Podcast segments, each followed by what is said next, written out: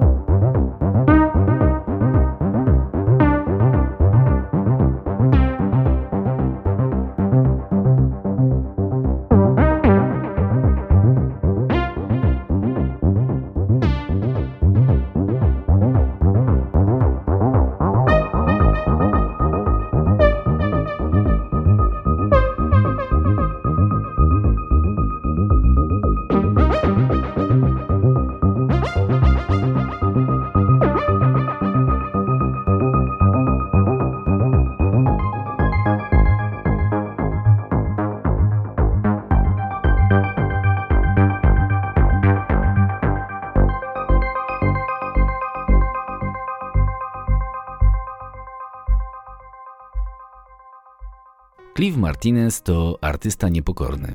Zaczynał swoją przygodę jako muzyk studyjny, perkusista, Przede wszystkim zespołów What Is This i uwaga niespodzianka zespołu Red Hot Chili Peppers, z którym w 2012 roku trafił do słynnej Rock and Roll Hall of Fame.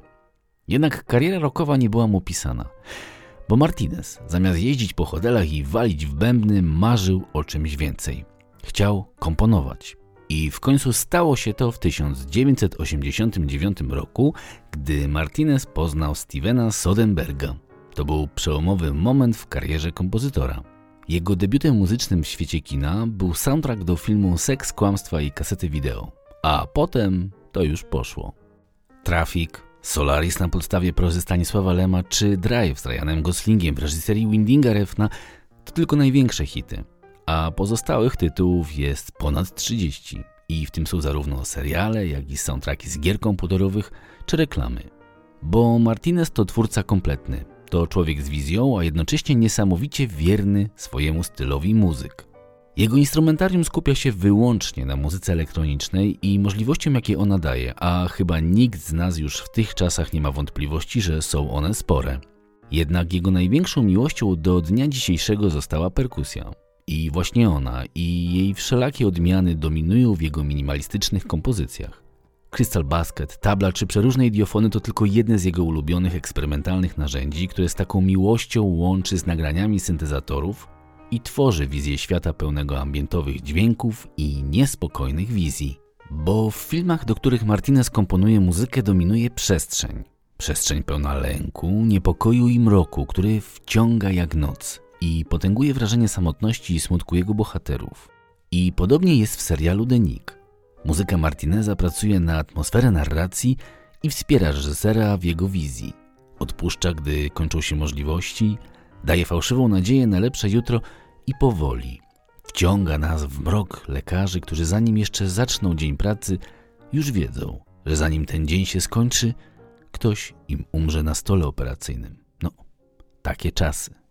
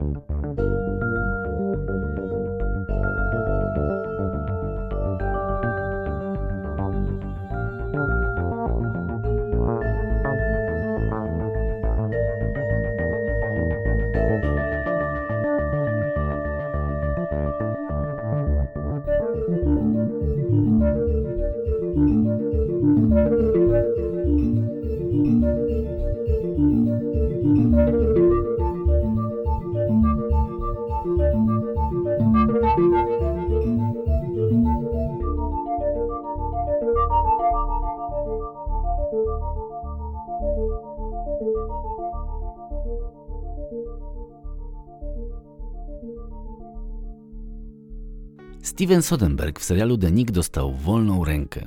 I chwała producentom za to, bo zamiast mieć kolejny słodki serial obyczajowy o początkach medycyny w Stanach Zjednoczonych, mamy prawdziwy dramat, grany i opowiedziany z iście mistrzowską precyzją. Akcja serialu zaczyna się w momencie przybycia do szpitala nowego lekarza, Johna Tuckerego, a tytuł serialu to skrót od nazwy szpitala, Knickerbocker, w którym akcja się dzieje. The Nick to naprawdę dobrze zrobiony film. Scenografia, dbałość o szczegóły, kostiumy, prawdę czasów jest tu na najwyższym poziomie. Tu nie znajdziecie na chwilę przyklejonych taśmą zasłon, tapet. Tu nic nie trzyma się na chwilę. To czuć we wszystkim, w każdym detalu tego opowiadania. W narzędziach chirurgicznych, w brudzie szpitala, w smrodzie sal z obłożnie chorymi. I właśnie ta dbałość o detal przejmuje i wciąga jak mało co.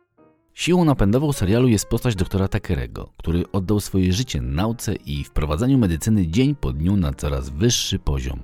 I uwaga, postać ta oparta jest na prawdziwym życiu wybitnego chirurga i wynalazcy Williama Helsteda, który jest ojcem dziesiątek przełomowych zabiegów chirurgicznych, orędownikiem jałowienia sprzętu medycznego i wynalazcą gumowych rękawiczek.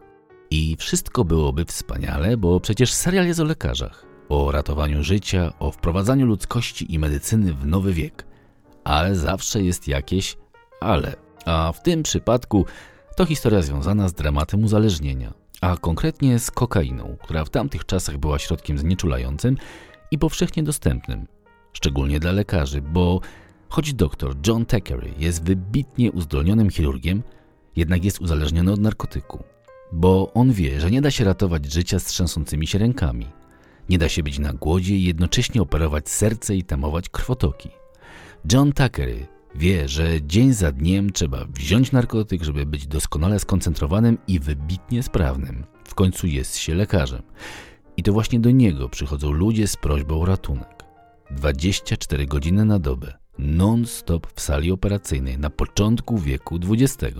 Można sobie tylko wyobrazić, jaki to musiał być wysiłek fizyczny, no i intelektualny. I Sodenberg jest człowiekiem, który w doskonały sposób opowiedział prawdę o tamtych czasach, bez owijania w bawełnę i lukrowania bzdetów. A to, że ta prawda jest pełna smutku, samotności, uzależnienia i panicznego strachu, że pewnego dnia śmierć i choroba dopadnie każdego z nas, to już zupełnie inna sprawa.